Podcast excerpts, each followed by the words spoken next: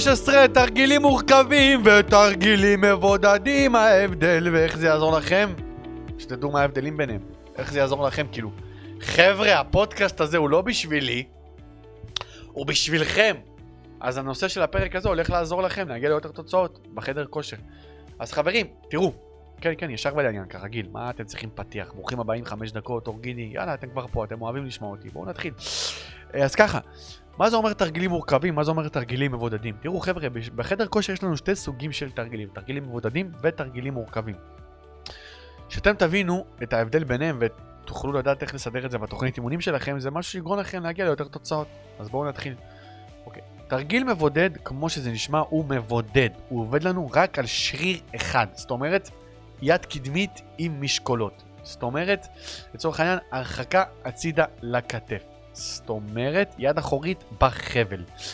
תרגיל מבודד, או יש לו גם שם שנקרא בעצם תרגיל פשוט, זה תרגיל שהוא פשוט, הוא עובד לכם רק על שריר אחד נקודתי ספציפי. אוקיי, תרגיל מורכב, כמו שאתם שומעים, זה בדיוק ככה, תרגיל מורכב. זאת אומרת שהוא עובד בעצם על בין 2 ל-3 שרירים בבת אחת, כמו לחיצת חזה במוט. כשאנחנו עושים לחיצת חזה במוט, גם היד האחורית וגם הכתף עובדים. כשאנחנו עושים מתח, לצורך העניין, גם היד הקדמית, גם הגב וגם הכתף האחורית עובדים. עכשיו, לעומת תרגיל פשוט, כמו היד האחורית בחבל, שרק היד האחורית עובדת.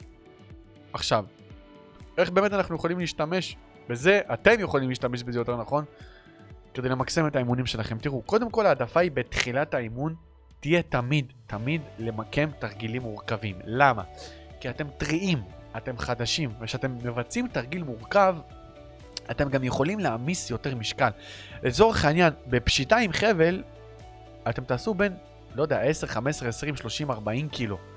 אבל בתרגילים כמו לחיצת חזה במוט, אפשר להגיע למצב שרימים 200 קילו, ולמה זה? זה כי בלחיצת חזה עם מוט עובדים לנו עוד שרירים, זאת אומרת הגוף יכול לגייס יותר כוח בתרגילים האלה, ולכן נרצה לנצל אותם בהתחלה, אוקיי? לחיצת חזה במוט, מתח, מקבילים, אה, לחיצת כתפיים, חתירות, deadlift, squat וכולי, אלה תרגילים מורכבים שאנחנו נרצה למקם אותם בתחילת האימון שאנחנו עוד אנרגטיים. עכשיו, תרגילים מבודדים, נרצה יותר למקם מה שנקרא בסוף האימון, מה שנקרא כמו finish. עכשיו, תרגילים מורכבים גם חברים, עוד משהו חשוב, שאנחנו נרצה לעבוד בתרגילים מורכבים בטווח של חזרות בין 6 ל-12.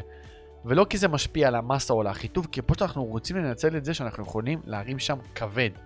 אוקיי? לעומת תרגילים מבודדים, ששם נרצה יותר לסחוט את השריר, פחות לעבוד על הכוח ועל, ה... ועל האנרגיה המתפרצת, יותר באמת על הדיוק, ולכן בתרגילים מבודדים נרצה לעבוד בין 12 ל-15, אפילו 20 חזרות מדי פעם.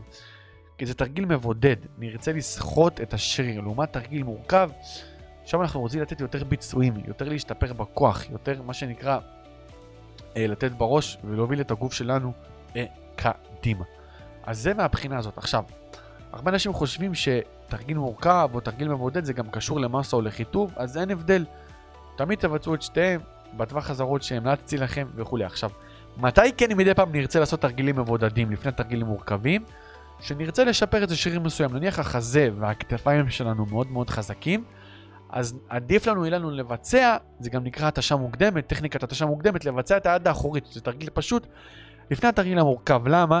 ככה הוא נרצה להתיש את היד האחורית שלנו, ואז נעבוד על לחיצת חזה, היד האחורית שלנו כבר תותש, אז הגוף ישתמש בה קצת יותר, ואז אם יש לנו נגיד חוסר ביד האחורית, נוכל בעצם להפיק ממנה יותר קצת בלחיצת חזה, שזה תרגיל מורכב.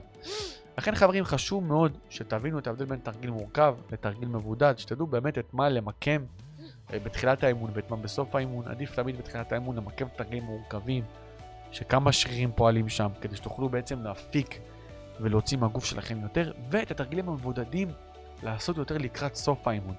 לסחוט יותר את השרירים, מה שנקרא הגרנד פינאלה.